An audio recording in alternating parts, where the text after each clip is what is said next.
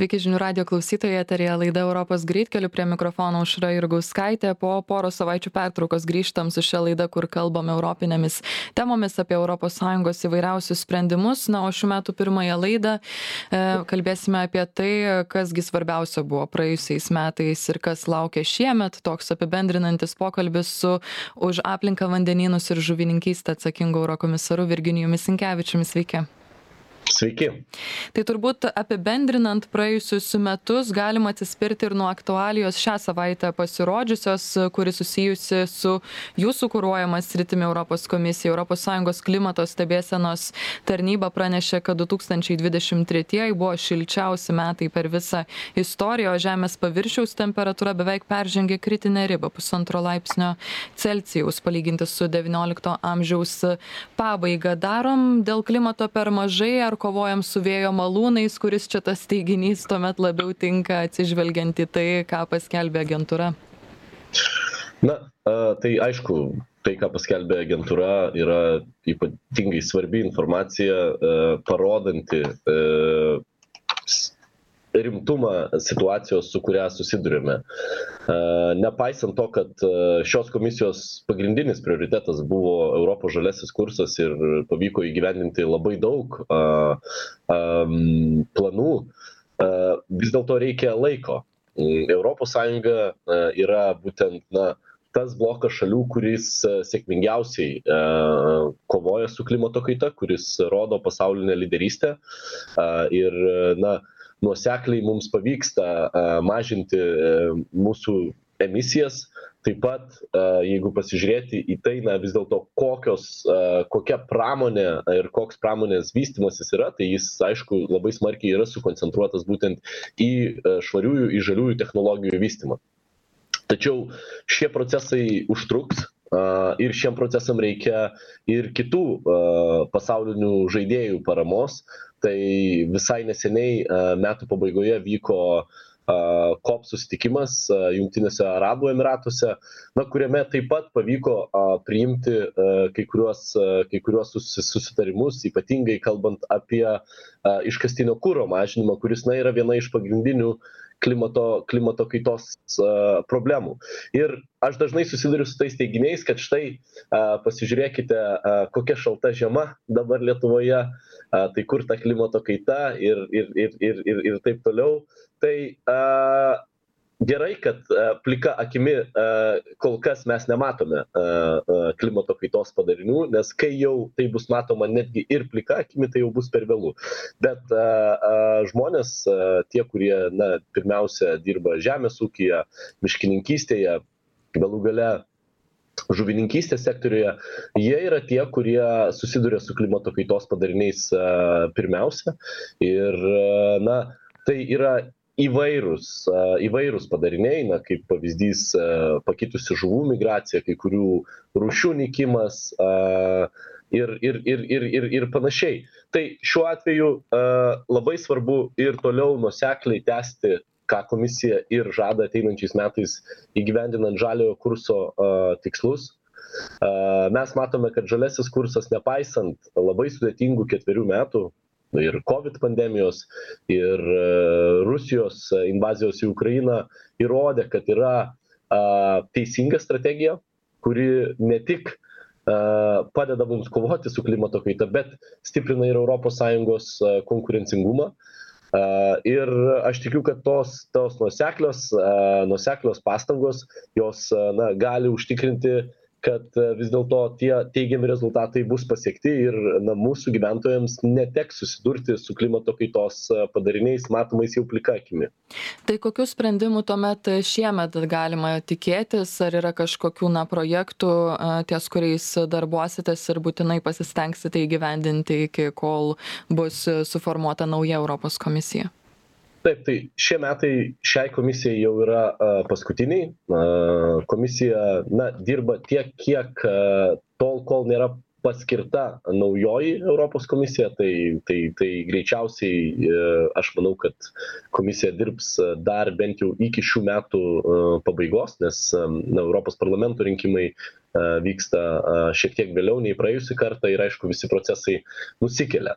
Bet šie metai yra pirmiausia skirti pabaigti iniciatyvas nes iniciatyvos na komisija turi tiktai teisę na pateikti iniciatyvas bet jos turi būti galutinai jau suderintos su taryba ir europos parlamentu tai kaip pavyzdys kalbant apie mano paties portfelį tai didelė didelio susidomėjimo tikrai sulauks bet ypatingai svarbi iniciatyva būtent pakuotės ir pakuotės atliekų direktyva kuri jau dabar kelia aistras kai kuriuose šalyse narėse bet na kai mes kalbame apie klimato kaitą apie bioįvairovės nykimą mes turim nepamiršti labai svarbaus faktoriaus tai yra taršos.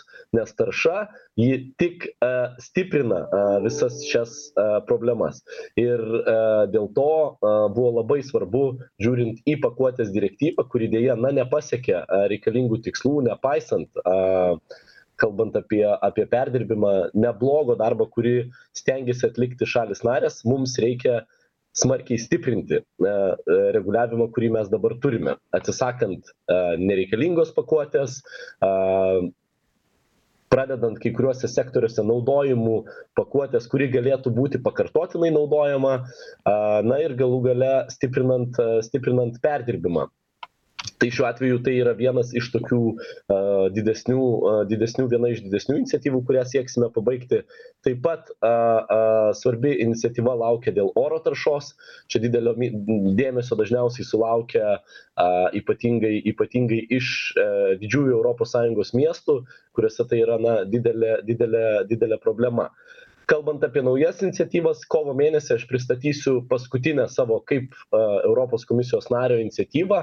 Tai iniciatyva susijusi būtent su vandeniu vandens atsparumo iniciatyva. Tai pagrindiniai pasiūlymai bus būtent išryškinti iššūkius ir galimybes susijusius su tvariu gėlo vandens naudojimu įgalinant, sustiprinant ir tarptautinį komponentą vandentvarkoje, nes labai dažnai tai yra, na, iššūkiai, su kuriais susiduria kelios šalis narės, kaip vienas iš pavyzdžių dabar aš džiaugiuosi, kad man pavyko rasti sutarimą tarp Ukrainos, Moldovos ir Rumunijos, kalbant apie būtent vandens naudojimą, nes vienai iš valstybių sakykim taip, pastačius elektrinę hidro, na, kitos, kitoje valstybėje gali tiesiog šuliniuose pa žmonės nebelikti vandens.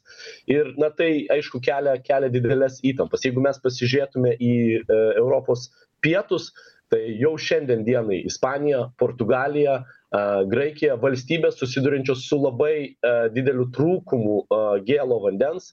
Ir, ir, ir be jokios abejonės ši iniciatyva bus labai svarbi ne tik na, pradėti kelią šioje komisijoje, bet aš net nebejoju, kad tai bus vienas iš pagrindinių fokusų ir ateinančioje komisijoje, nes na, tikrai turime kur labai smarkiai pasistiepti naudojant vandenį pernaudojant galų gale vandenį jį daug geriau išvalant ir ir ir taip toliau. Ir aišku tai bus na jau paskutinis mano kaip europos komisijos nario pasiūlymas. Na o paskutinis svarbus sprendimas iš praėjusių metų turbūt bendras europos sąjungos buvo e, gruodį gautas kvietimas derybų e, ukrainai ir taip pat moldovai dėl narystės europos sąjungoje. E, sakytumėt kad tai svarbiausias praėjusių metų sprendimas iš bendrijos pusės pernai na tai tikrai istorinis sprendimas ir žinot tas istorinis sprendimas lyg ir norėtųsi, kad na, jau po tokio sprendimo tas mes matytume Ukrainą, Moldovą, o gal vieną dieną ir, ir Sakartvelą ES šeimoje. Tačiau na, tai užtruks. Ir šiemet Ukraina ir toliau išliks prioritetu ES. Mes matėme, kaip baigėsi vadovų taryba paskutinė vadovų taryba praėjusiais metais, kai na, buvo patenkintas komisijos siūlymas suteikti, pradėti dėrybas su Moldova ir Ukraina ir suteikti kandidatės statusą Sakartvelui. Tačiau labai svarbus aš manyčiau netgi trumpuoju laikotarpiu svarbesnis um, sprendimas dėl uh, makrofinansinės pagalbos nebuvo priimtas, jis buvo blokuotas, blokuotas Vengrijos ir aišku, na, sausi tai bus vienas iš pagrindinių, pagrindinių manau, kad darbų būtent atblokuoti ir užtikrinti, kad Ukraina gautų, gautų finansinę, finansinę paramą. Tai net nebejoju, kad Ukraina išliks prioritetu. Aš asmeniškai taip pat kaip ir anksčiau dėsiu visas pastangas, kad na, tie 24 metai, kurie atrodo bus tikrai sudėtingi tiek mums, tiek, tiek Ukrainai ir jie bus rinkiminiai metai, kad na, Ukraina ir jos gynyba ES, ES vertybių atsispindėtų ir Europinėje darbo tvarkėje. Nes na, mes privalome suprasti, kad kritus Ukrainai greičiausiai nebeliks tokių ir darinių kaip ES. Nes šiandien dienai Ukraina kovoja pirmiausia už tuos klyjus, vertybinius klyjus, kurie ir laiko ES ir 27 šalis narės kartu. Bet grįžtant į tą istorinį sprendimą, aš manau, kad svarbiausias momentas buvo tai, kad po daugelio metų ES grįžo į plėtros kelią nes jeigu mes stebėtume europinę politiką pastaruosius metus iki ukrainos įvykių na tai tikrai buvo didelis skepsis. Lyg ir buvo dvidešim aštuonios didžiajai britanijai pasitraukus dvidešim septynios valstybės. Ir čia jau mes kalbėjome apie sakykim tas vidinius iššūkius vidines problemas kuriuos kuriuos kuriuos turime turime turime spręsti taip e, bet e, dėl ukrainos ar ne ir paramos jai e, čia buvo daug klausimų susijusių su tuo kiek mes esam pajėgūs išpildyti pažadą suteikti milijoną šaudmenų ukrainai ir pasirodė siūlymų kad reikia peržiūrėti tiesiog sutartį su trečiosiomis šalimis prekybos amunicija ir galbūt perkreipinėti tuos srautus būtent ukrainai ir taip pavyktų tą milijoną šaudmenų suteikti ar bus tai padaryta ar nebus padaryta jūsų e, vertinimu kiek čia būtų įmanomas sprendimas?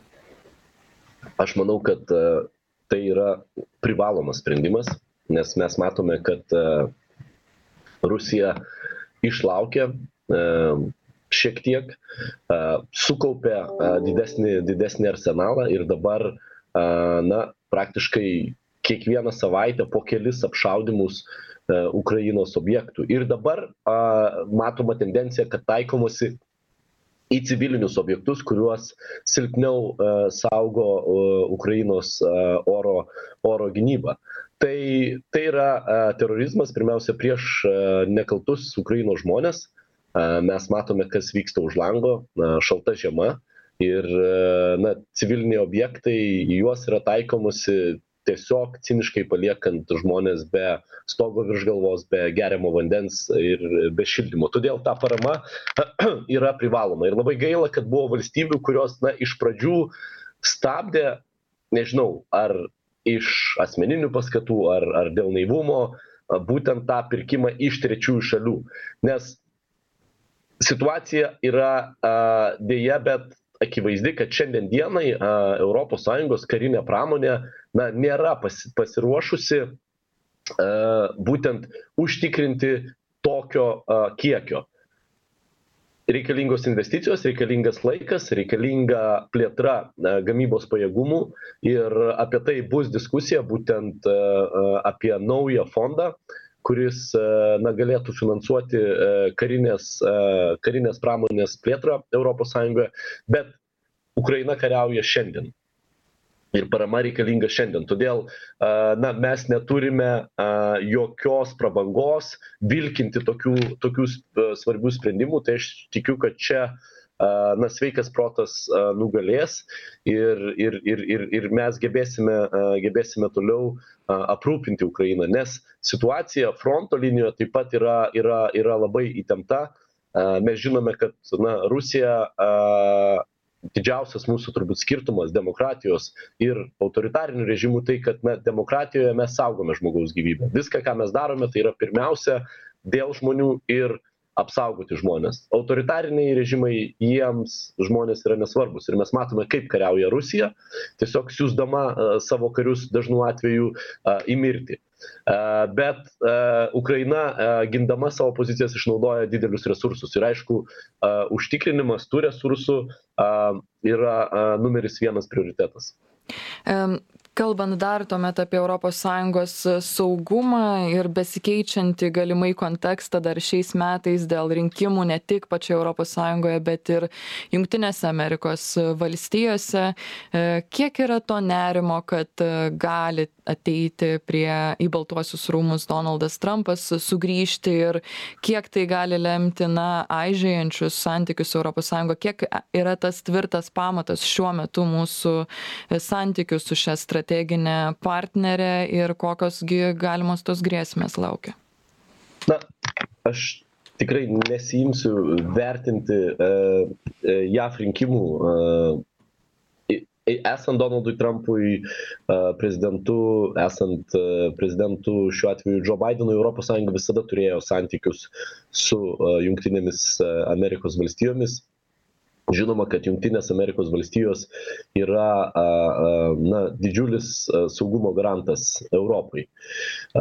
Ir na europos sąjunga tikrai visuomet sieks tos na partnerystės aš netgi pavadinčiau tai labiau netgi draugyste glaudžiu bendradarbiavimu su jungtinėmis amerikos valstijomis todėl kad šiuo atveju na mes esame didžiausios demokratijos pasaulyje mus vienyje vieningos vertybės pagarba žmogaus teisėms, galų gale teisės viršenybės principai ir, ir, ir, ir, ir, ir net nebejoju, kad na, visos tos, tos pastangos bus e, ir toliau dedamos. Na, kokie bus rinkimų rezultatai, kol kas pasakyti yra, yra, yra labai sudėtinga, bet europos sąjungos europos komisijos pozicija net neabejoju šalių narių pozicija ji tikrai tikrai nesikeis o dėl kinijos štai laukia taivane rinkimai šį savaitgalį prezidentą rinks ir ten tarsi ta įtampa kaista. E, europos sąjunga kaip tik praėjusių metų gruodį turėjo e, pirmąjį po kelerių metų viršūnių susitikimą su kinija. Kita vertus ursula von der leyen e, savo kalboje apie padėtį europos sąjungos praėjusiais metais keliose vietose paminėjo na tą iš esmės grėsmę keliamą iš kinijos pusės ypač mūsų rinkai susijusią su elektromobiliais ar saulės elektrinėmis. Kaip tas santykis gali per šieme per šiuos metus keistis kas gali tam turėti įtakos? Na tai šiuo šiuo atveju žinot europos sąjungos pozicija kinijos atžvilgiu na taip pat ji yra pakankamai pakankamai stabili ir na netgi jeigu pasižiūrėti komisijos kompetencijas komisarų portfelius na tai kiekviename jų randi na bendradarbiavimą su kinija. Ar tai būtų klimato kaitos klausimai žaliojo kurso klausimai ar tai galva galų gale būtų būtų pramonė ir kiti klausimai. Tai šiuo atveju skaitmenizacija kaip pavyzdys šiuo atveju kinija yra yra yra partneris tačiau na kalbant apie europos sąjungos vidaus rinką kalbant apie apie apie prekybą na tai mes matome tą disbalansą mes matome galimas grėsmes ir na ką ir prezidentė minėjo savo savo kalboje galimus veiksmus iš kinijos kurie na siekia išstumti mūsų mūsų gamintojus. Kaip pavyzdys atsinaujinančios energetikos sektoriuje mūsų gamintojus susiduria jau su labai dideliais iššūkiais būtent dėl spaudimo iš kinijos. Tai šiuo atveju europos komisija tikrai padarys viską kad apsaugoti mūsų gamintojus užtikrinti kad prekyba vyktų pagal nustatytas pasaulio prekybos organizacijos tarptautines taisykles ir teisiniu pagrindu nepažeidžiant interesų mūsų mūsų mūsų įmonių mūsų netgi galų gale smulkiųjų verslų, kurie šiuo atveju kenčia dėl neteisingos konkurencijos. Ir visai pabaigai nes mūsų laikas baigėsi aš negaliu nepaklausti apie įvykius čia lietuvoje socialiniuose tinkluose. E, na aktyviems visuomenės veikėjams užkliuvo kad demokratų sąjungos vardan lietuvos pirmininkas saulius skvernelis dalyvavo laidoje rūtos janutienės kurioje dalyvavo ir e, antanas kandrotas e, vadinamasis celofanas. Ir čia kilo klausimų ar čia viskas gerai štai tokioje laidoje dalyvauti buvusiam premjerui ir panašiai. Ir ir jūs žymėtas tuose įrašuose tarsi klausiant jūsų ar jums tai atrodo e, gerai. Koks jūsų komentaras būtų apie tai? Tai nėra gerai.